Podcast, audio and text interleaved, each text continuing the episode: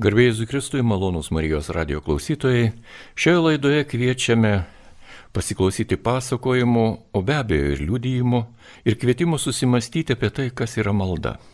Ši laida nėra skirta maldingiems žmonėms, taip pat ji nėra skirta tiems, kurie apie maldą jau viską žino ir gali mus pamokyti to, bet Jeigu kalbame jau apie maldą, tai vis tiek turėsime kalbėti apie Dievą. O jeigu kalbame apie Dievą, tai be abejo, niekaip kitaip mes apie jį negalėsime kalbėti, kaip kalbėdami apie save. Tai būtų bent jau sąžininga Dievo atžvilgiu. Nes jeigu Dievas panorėjo mūsų ir mūsų kūrė, tai mes galime kalbėti apie Dievą, kalbėdami apie save, apie savo pojūčius, apie savo jausmus, apie savo maldas, apie savo mistinės patirtis, apie savo regėjimą, kurį matome tikėjimo šviesoje. Ir šiandien laidoje susirinko pabendrauti su jumis gerbiami ir mėly Marijos radio klausytojai, trys jauni vyrai.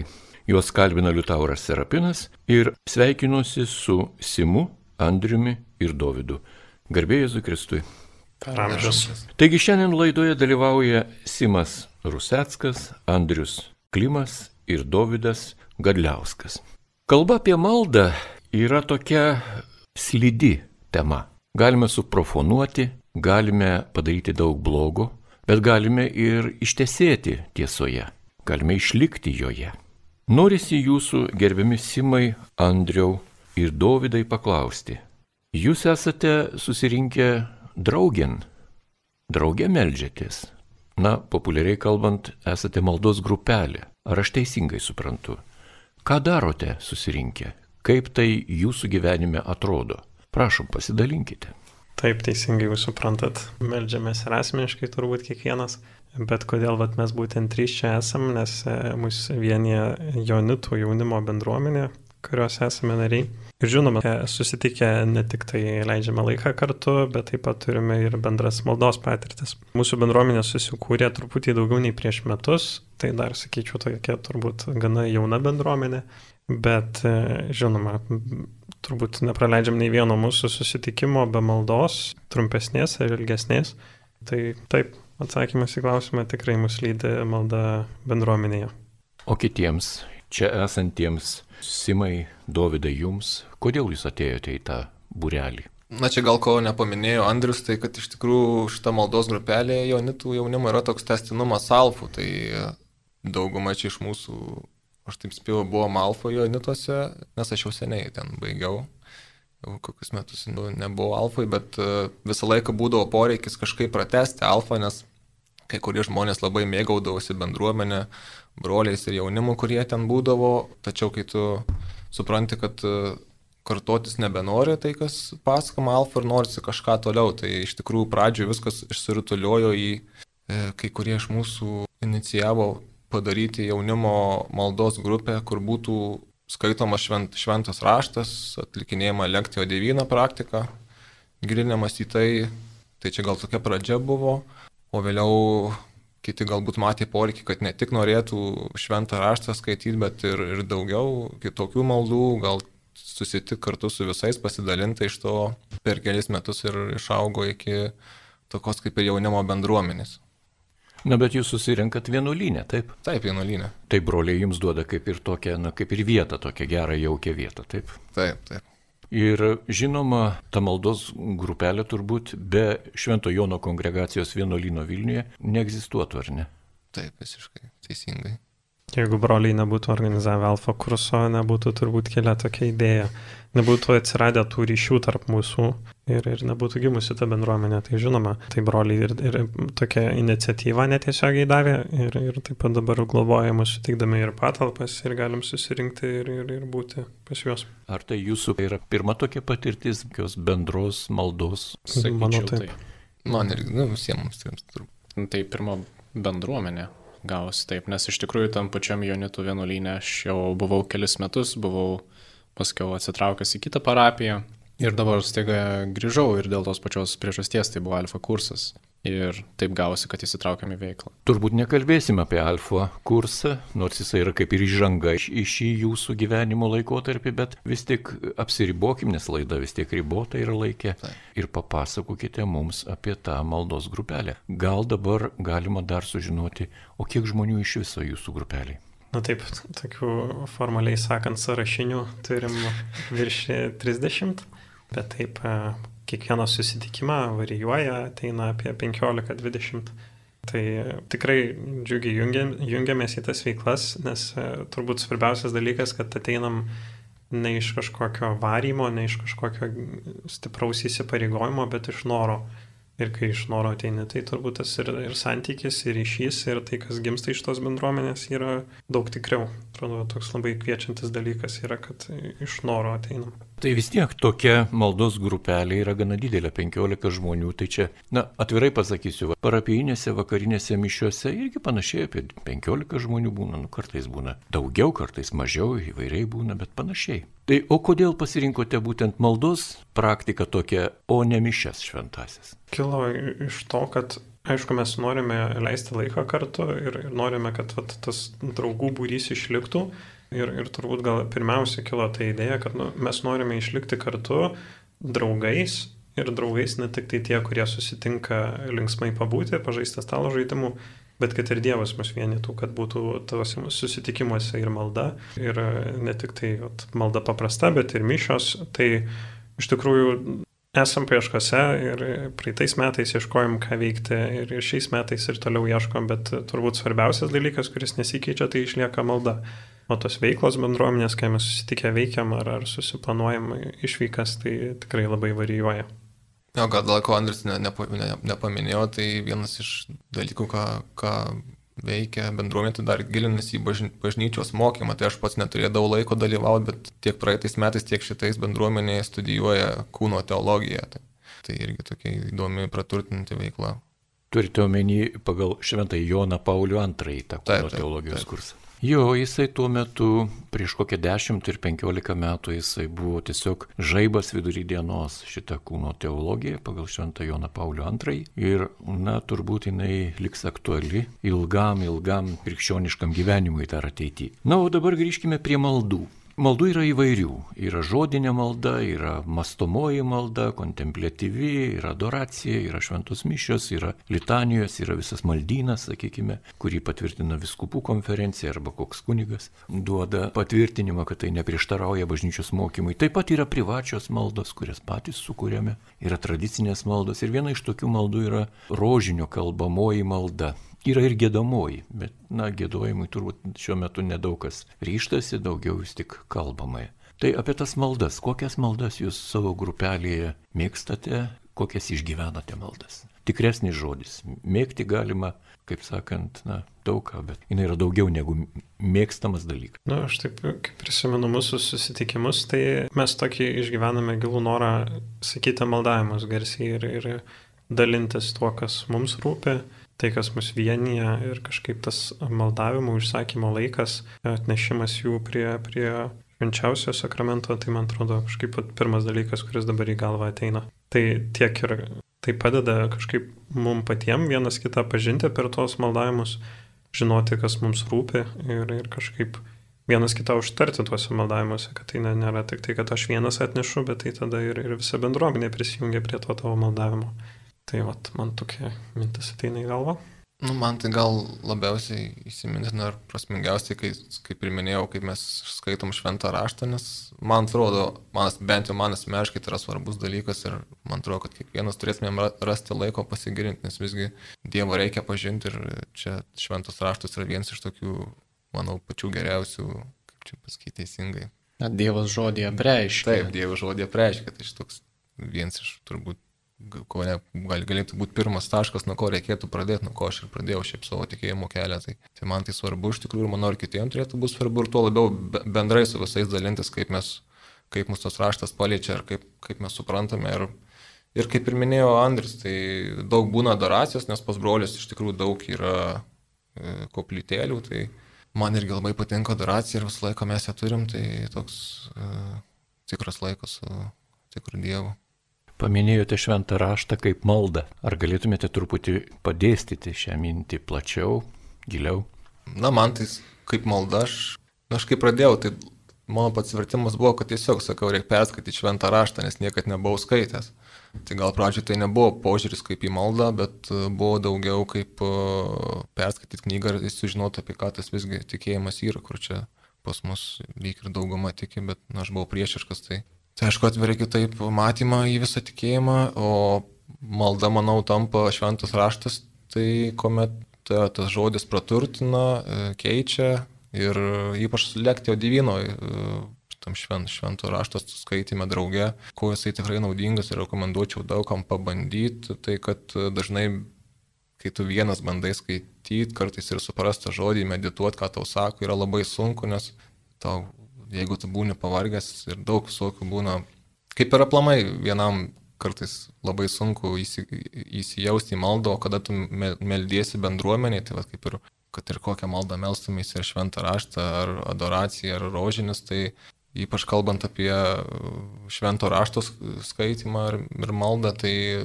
kiekvienas žmogus pasako labai daug įdomių išvalgų, kurių tu net nematai ir tave iš karto praturtina ir kartais netgi skaitant atrodo paprastą eilutę, gali, gali atrodyti, kad čia nėra ką net gilintis, tu viską žinai, bet pamatai, net kartais atrodo, kad tu sėdi ir, o aš jau tiek žinau, čia aš pasakysiu, ką aš čia matau ir čia tuo visas baigsis, bet tada pamatai, kiti gali daug giliau pamatyti ir toje paliečia tas ir tada supranti, kad e, iš tikrųjų ten ir tą pačią lūtę gali skaityti metų iš metų ir visiškai kitaip matyti. Tai, tai gal pradžioje skaitant tu nematai to kaip maldos, bet kaip matai, kad tas šventas raštas yra kiekvienas žodis įvairialypis ir jį galima plačiai pamatyti, tada pradedi iš švento rašto suprasti kaip maldą.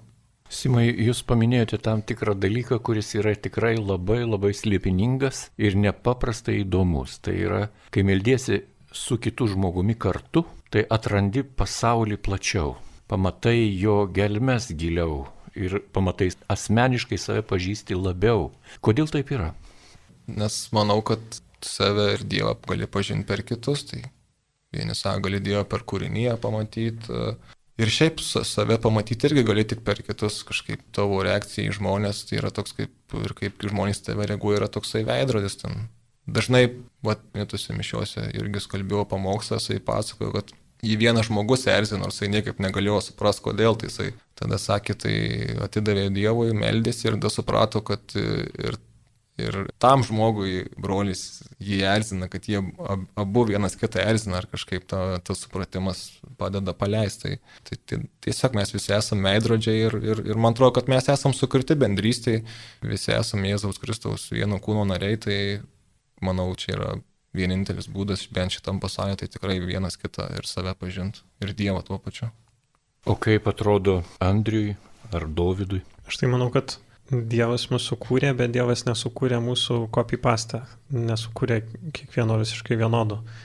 Tai taip, kai vat, ir skaitai šventai raštą, aš irgi tų patirčių turėjęs lekciją Divina su grupelė, tai tikrai galiu irgi paliudyti, kad visiškai kitokių dalykų ištraukia grupelės nariai, negu tu pats pagalvotum. Ir irgi labai gerai suprantu, kas jums sako, kad va, čia tu sėdi, tu jau čia žinai apie ką tai eilutė, ką čia mes dar gilinsimės ir tada labai nustebina, kai kažką naujo pasako, kas irgi labai įstringa ir veikia.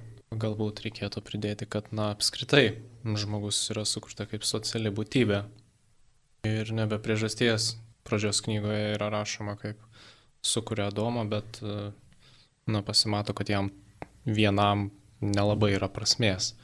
Tai iš esmės, kadangi žmonės yra socialios būtybės ir taip jos yra skirtingos, tai būtent per bendrystę galima atrasti geresnį ryšį.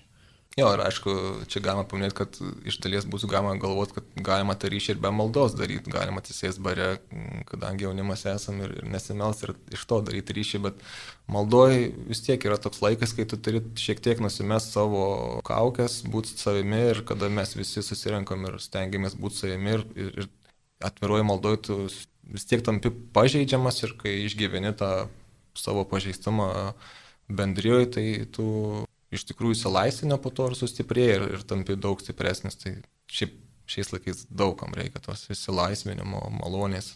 Ir, ir, ir bendra malda, ypač bendra adoracija ir šlovinimas kartu, tai yra kažkaip tikrai stipru ir gali padėti įsilaisvinti iš savo ten visokių kaukių ir, ir taip toliau. Besidalindami savo mintimis apie maldą, jūs priminėt man vieną visai neseniai išgirstat pasakojimą. Pasakoju grįžusi iš Afrikos. Ji buvo toje Afrikos valstybėje, kuri yra labai krikščioniška. Ta prasme, ne vien tik krikščionys katalikai gyvena, bet ten gyvena ir protestantų labai daug, ir protestantų bendruomenė žinoma yra gausesnė.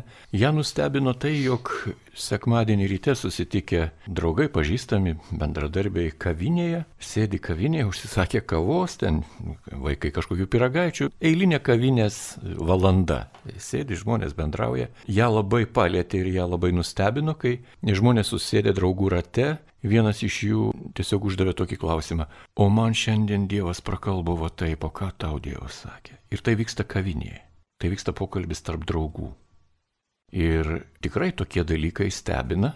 Ir mes suprantame, kad taip gali būti ir Lietuvoje, taip gali būti, bet taip nėra.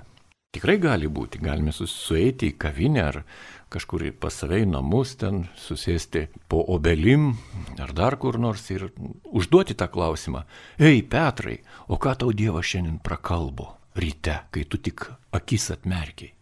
Kartais būna taip, bet kartais būna ir kitaip. Ir dabar, kadangi mes kalbame su jaunimu, Simu, Andriumi ir Dovydu, ir kalbame apie maldos, maldos, na, supratimą, maldos buvimą gyvenime. Ir jis pasireiškia įvairiomis formomis, kartais individualiai, ir žmonės eina kokiu Jokūbo keliu, arba važiuoja į kokią dykrą, dykumą, į kokį pajūrį, būna vieni, įsiklauso į savo širdies ritmą, tada atsiverčia šventą raštą. Būna kitaip, eina susitinka su draugais, atsiriboja nuo kažko, tada dalinasi mintimis, visai būna kitaip. Na, o dabar jeigu kalbėti apie tas maldas konkrečias, kokios maldos yra visada laukiamos jūsų, kokias maldas jūs mielai griebėte iš karto rankomis. Čia šiaip, jeigu pratęsiant tą, kur pasakot istoriją, tai mūsų bendruomenė, ko aš anksčiau niekada nedarydavau, jeigu susirinkom kartais, pavyzdžiui, barą, net ir yra buvę laus išgerti, arba šiaip į kavinę, arba kur nors papietauti, tai visą laiką pradeda malda, tai man pradžioje tai būdavo toksai apsidaira ir čia niekas nežiūri. Bet visą laiką tą darom su bendruomenė ir kažkaip tave patį išmoko kartais pačiam išdrįst vienam arba su, su kitais draugais, nebūtų tai tikinčiais padaryti. Su užnagariu visada drąsiau. Nu, taip. Bet toks irgi čia liūdėjimas ir malda. Mane asmeniškai užkabino psalmynas. Tai greičiausiai vyksta tada, kada bevartant šventai raštą jis tau iš tikrųjų prabyla, tas žodis, ir tada tu pradedi ieškoti jo daugiau. Ir iš tikrųjų galiu čia turbūt paliūdyti, nes mano meldimuose psalmėmis pradžia buvo tada, kai Tiesiog buvo viena labai sunki diena, kada aš turėjau ganėtinai intensyvų ginčą ir man buvo labai negera. Ir kažkaip man prisisapnavo pasivaideno skaičius ir aš tiesiog žinojau, ką su juo daryti. Aš pagal tą skaičių atsekiau psalmę. Ir tie žodžiai buvo būtent man tuo metu. Aš taip jaučiausi. Ir tada aš tiesiog pradėjau ieškoti psalmių, kurios tiktų kiekvienai dienai. Ir praktikuoju jau beveik metus. Ar aš galiu įsiterpti su tam tikru tekstu iš Evangelijos? Taip, žinoma. Čia bus iš apaštalų darbų. Apaštalų darbų 12 skyriaus nuo 42 eilutės. Pasiklausykime. Pirminė krikščionių bažnyčia. Jie ištvermingai laikėsi apaštalų mokslo ir bendravimo, duonos laužimo ir maldų. Nuostaba ėmė kiekvieną, nes apaštalai darė daug stebuklų ir ženklų. Ir kai mes kalbame apie savo tikėjimą, mes suprantame, kad malda yra tik tais labai maža dalelė mūsų tikėjimo kelyje. Yra labai daug kitų didelių dalykų, pavyzdžiui, duonos laužimas, dar didesni dalykai, stebuklai. Taip. Ar jums teko tai patirti, duonos laužimą? O gal patys laužėte duoną? Gal matėte stebuklus, gal juos darėte? Kaip yra? Na, aš gal stebuklų nedariau, arba gal kažkas matė, kaip darau, bet aš neatsimenu. Bet tai kalbant apie duonos e, laužimą, tai mano šiaip atsivertimas galutinis įvyko per komunijos prieimimą, nes e, aš e, čia ilgai netikintis buvau, ieškojau ir taip susiklostė, kad nu, reikėjo tą komuniją priimti. Tai ir man toks buvo išbandymas, galvojau, nu šiaip nebuvo, kaip čia išbandymas, aš tiesiog galvojau priimsiu. Nu, priiminėjau dėl to, kad draugas mirė ir sakė čia, dėl jo reikia nueiti į mišęs ir komuniją priimti. Tai... Bet tu supratai, kad Jėzų į save priemi. O aš daug supratau, bet aišku, kai jau priimtai, ėjau tik dėl to, kas pasakė, kad reikia. Ir kadangi draugas buvo tikintis, aš tada buvau kelyje, tai vien dėl jo sakiau, reikia padaryti, bet man reikėjo daug daug nueis kelio, reikėjo nueiti iš pažinties, kur aš daug nebuvau ir, ir tu dar tą komuniją priimt. Tai aš dariau tik tais dėl jo iš tikrųjų, nes kaip jį pagerb. Ir kai jau tai aš, ne, nu, aš supratau, kad turiu kaip ir priimti Jėzų, bet uh, tada buvo šiaip Marijos gimtadienis tą dieną, kai aš priiminėjau komuniją. Ir aš nuėjau pas kunigą iš pažinties, kurio gimtadienis buvo tą pačią dieną. Tai ten toks atsitiktinumas, bet kaip sako, pas Dievą atsitiktinumų nebūna. Tai aš kai ėjau jau tuo keliu priimti komuniją, tai aš tiesiog trumpai pasimeldžiau Marijai, pasimeldžiau, nes Marijos gimtadienis tai kam daugiau, bet aš papraštų sakiniu, kad va, Marija čia einu priimti, kaip sako, tavo sūnaus kūną, jeigu čia tai yra, tai duok suprast, kad tai yra, jeigu nėra, tai tada Dievo nėra, nežinau. Labai paprastai pasakiau sakinį iš širdies ir iš tikrųjų, kaip, kai prieimiau komuniją, tai iš karto pradėjau raudoti, nežinau kodėl, raudau ten kokias 10-15 minučių, bet kaip gyvenimo nesu raudojęs. Ir vienu metu tai staiga visiškai baigėsi ir atrodė, kad, nu, aš buvau ramus kaip vandenynas, ten nėra buvę, tai aš dabar sėdžiu kažkokį jaučiu jaudulį arba šiaip gyvenimą tai būna, bet tada aš buvau visiškai ramus, labai keista, taip pat kaip staiga pradėjau verkti, staiga ir nustojau. Ir tai buvo toks neįtikėtinos ramybės patyrimas. Ir atsimenu, kai išėjau, išėjau į, į, į išgail, čia buvo galėsimo bažnyčio į, į lauką, tai irgi labai buvo keistas jausmas. Man atrodo, kad aš pirmą kartą esu toj gatvėje. Ir iš vis e, tam Vilniui, tai toksai protas sako, kad aš jau per tas gatvės esu ėjęs ir jas matęs šimtus kartų jei ne tūkstančius, bet širdį jausmas buvo, kad aš būčiau naujoj vietoj. Ir tada atsimenu, kai jau namo iki autobusų stotelės sutikau ir autobuse daugybę žmonių ir tada buvo, man atrodo, penktadienis, jei gerai atsimenu. Tai aišku, daug visokių, nu, buvo daug skirtingų žmonių, ten vieni ten tūsino, kiti gal meldėsi, kiti šiaip vaikštinėjau, bet nepaisant, kad ir kokį žmogų aš mačiau, tai man norėjosi kiekvieną apkabinti, man atrodė jie įspūdingi, labai brangus ir man ten ko nereikėjo valdytis, kad ten nepultų visų, visiems ant kaklo. Tai, tai tada supratau, kad tas duonos laužimas tai ne šiaip duonos laužimas ir tada aš jau taip galutinai atsiverčiau. Na, o ką pasakysite jūs, Andriau ir Dovydai, girdėdami tai, ką pasakoja Simas? Kad stipru kažkaip man sukosi galvoje. Irgi toks vienas e, patirtis su malda, bet dabar atrodo tokia maža jinai prieš tokį didžiulį atsivertimą. Bet aš tai šiaip trumpai dar va pagrįžtant prie tos maldos, kuri man patinka, kurią aš melžiuosi, tai tikrai kažkada seniau buvau nusiteikęs prieš tas maldas, kur reikia kartot daug, kur, tarkim, ar ten vainikėlis, kur tenai tiesiog sukt ir sukt reikia, ar rožinis. Man atrodo, dėl kažkodėl keista, kad ar tu čia vieną kartą sveika Marija pasimelsi ar 50 kartų, taigi čia vienas ir tas pats. Iki tol, kol nenutiko keletą tokių įvykių, kurie kažkaip man parodė, kad ta malda veikia ir jinai veikia ne va šiaip savo tai, bet e, labai tai praktiškai gyvenime ir, ir mano viena iš tokių pačių neseniausių patirčių buvo, mes e, visai prieš porą mėnesių susitokėm su žmona ir buvom išskridę į medaus mėnesį ir ten mums tokia viena nelaimė ištiko, kad e, viena iš vietų, kur mes turėjome apsistoti, pasirodo, kad buvo netikra ir ten jokios vietos iš tikrųjų nėra. Ir mes ten atvykstam ir, ir išsigastam, kad, žodžiu, mūsų čia niekas nepriims. Ir kažkaip mūsų labai sunki kelionė buvo į tą vietą. E, mes ten ėjom ilgai, buvo labai karšta. Ir pasirodo, ką, ką po to aš jau visiškai vėliau sužinojau, kad mano žmona tuo metu einant iki tos vietos meldėsi rožinį. Ir aš taip, nu, iš tikrųjų, po to jau, kai atsukau visą tą, po to, kas įvyko, tai, nu, taip priskyriau, kad, nu, vis tik čia jos nuopelnas, kad ta malda rožinis mum atnešė tai, kad vietoj tos netikros vietos mes gavom labai tikrą ir labai gražią vietą, kuri atpirko ir tą visą sunkų įėjimą, ir tą stresą, kuris ten mus užpuolė, kai, kai buvo ta vieta netikra. Tai toks atrodo visiškai paprastas gyvenimiškas pavyzdys, bet jis vat, man visai nesenai dar vieną kartą paliudijo, kad e, rožinio malda, būtent po rožinio maldos su tokių patirčių, tikrai esu turėjęs ne vieną, tai kažkaip visiškai perkeitė, kad e, vis tik pakartojus daug kartų daug didesni dalykai vyksta. Aš irgi pagryšiau prie maldos, šiek tiek minėjote, kad malda yra tik tai maža dalis. Na, Taip, bet e, ar neturėtų jinai būti šiek tiek didesnė? Na, tai yra tiesioginio to žodžio prasme bendravimo su Dievu ir kaip mažai žmonės tai praktikuoja. o kiek mažai žmonių išgirsta Dievą. Tai norėtųsi, kad tai iš tikrųjų būtų, būtų didesnė dalis. Bet ir, ir man taip atrodo ne dėl to, kad kažkas būtų pasakęs, bet dėl to, kad aš irgi esu patyręs tos dalykus, aš esu gavęs tiesiog atsakymus sudėtingose situacijose, kurie išvesdavo iš didelio nerimo tuo laiku. Bet kalbant apie kitas patirtis, tai na, per mišes galbūt kaip pat duonos laužimo neteko patirti, bet ko gero viena iš tų tokių stipresnių patirčių tai buvo šlovinimo metu, na, be abejo, nes tai malda, bet, bet tas, na, toks Dievo prisilietimas, jisai yra, na, toks apčiuopiamas daug labiau. Ir e, tai buvo pirmą kartą turbūt, kai buvau 17 metų, tai netyčia papuoliau iš lovinimo vakarą ir e, pirmą kartą žmonės meldėsi už mane.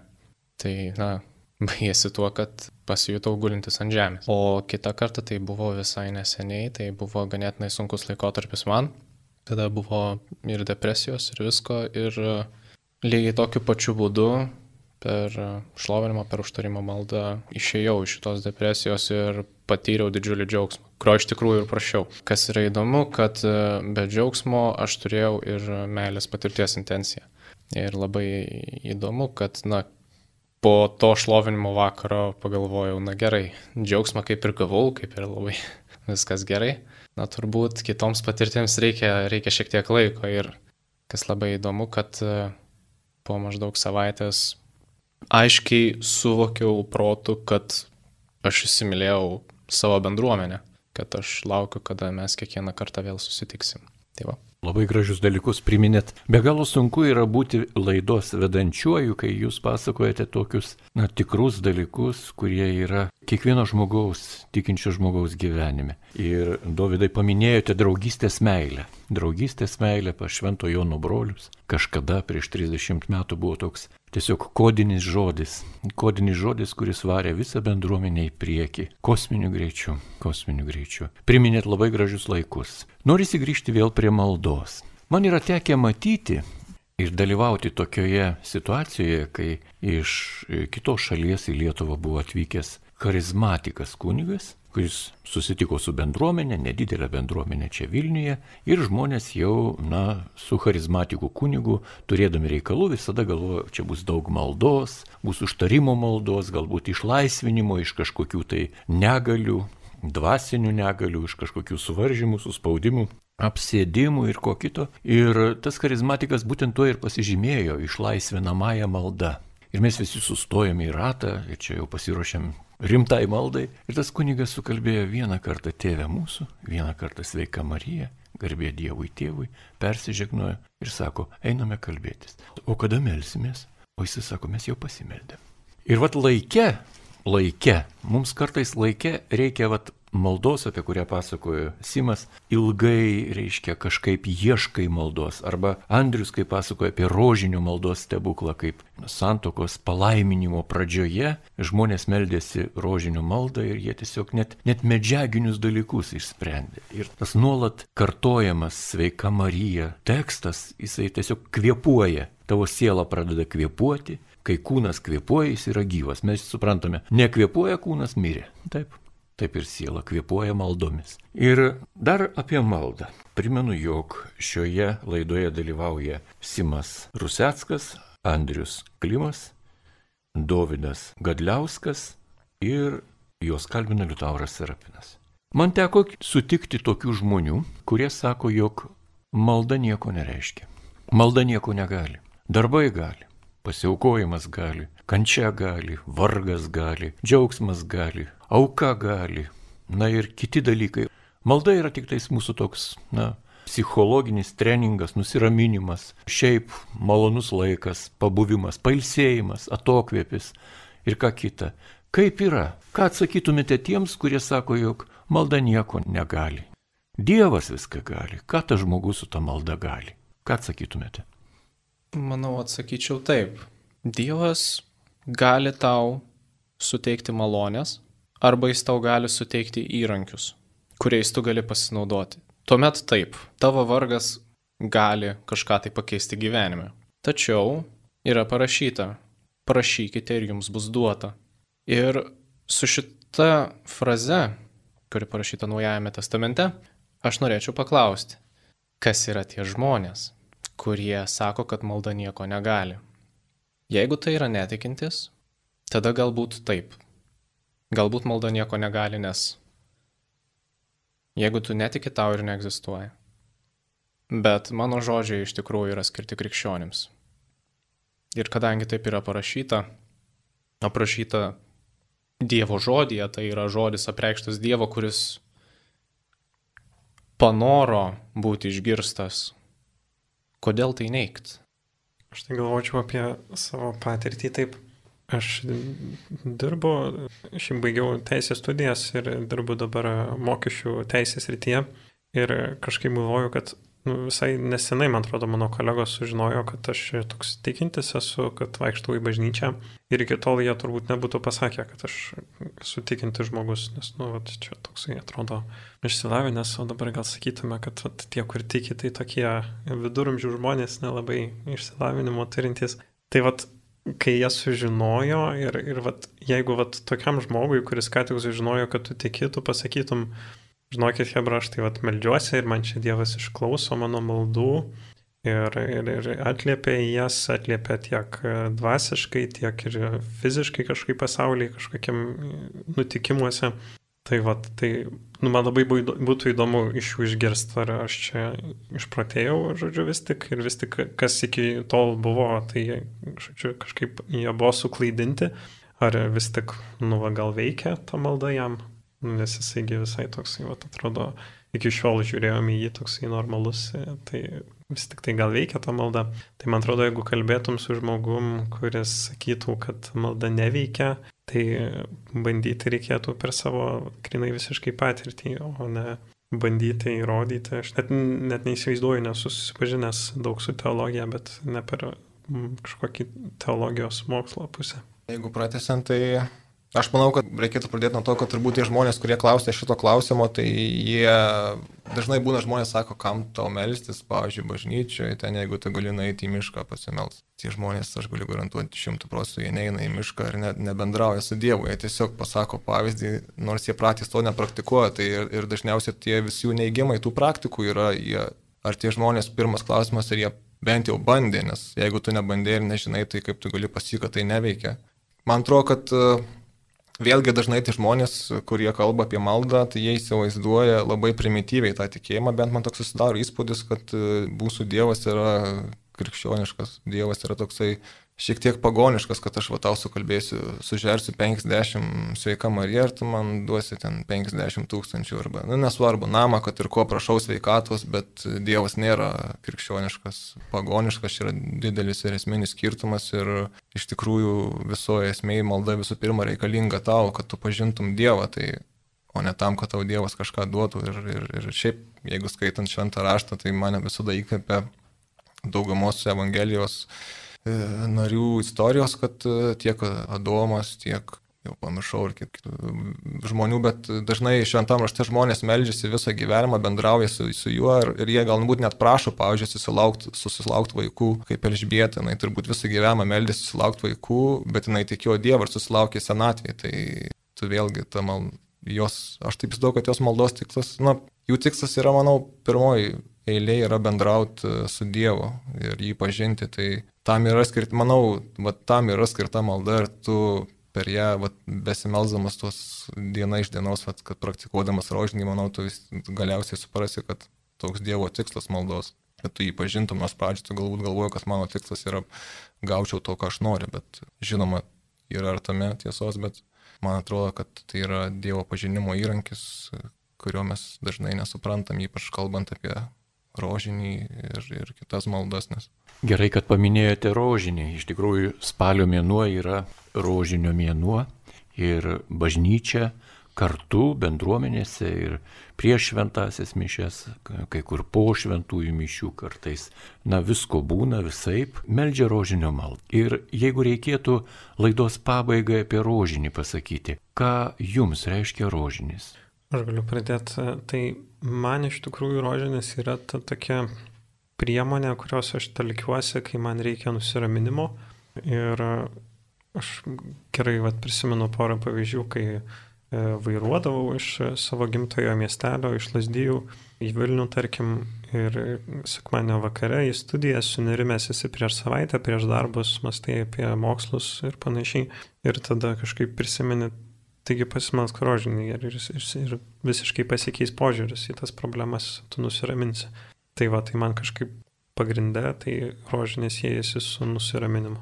Man asmeniškai tai gal rožinis siejasi su tokiu liudijimu ir su tokiu stipriu įrankiu liudyti tikėjimą ir man du, turbūt gal įstrigę įstrigusios istorijos prisiminimai su rožiniu, tai pirmas gal atsimenu, kai kažkada ėjom vasario 16 būna šviesos kelias ir ten būna daug žmonių su deglais eina ir vienas toks tvirtas vyras ėjo su rožiniu ranku ir meldėsi ir, ir, mane atsimenu sujaudino iki ašų, nes e, dažniausiai galvoju, kad rožinis toks mačiučių užsiėmimas arba silpnų žmonių, bet skautas vyras buvo ten nu, toks rimtas vyras, kuris gali pasirūpinti savim, bet jisai rankoje laikė rožinį ir man toks buvo labai stiprus liudijimas ir, ir, ir, ir kita istorija turbūt, e, kaip vėlgi čia su, su vyrais pasakysiu, kai būna vyrai renk, renkasi, yra grupės ir renkasi melstis rožinį kiekvieną šeštąjį rytais, tai iš mūsų bendruomenės irgi keli iš mūsų vyrai buvom, pradėjom praktikuoti vasarą, dabar kai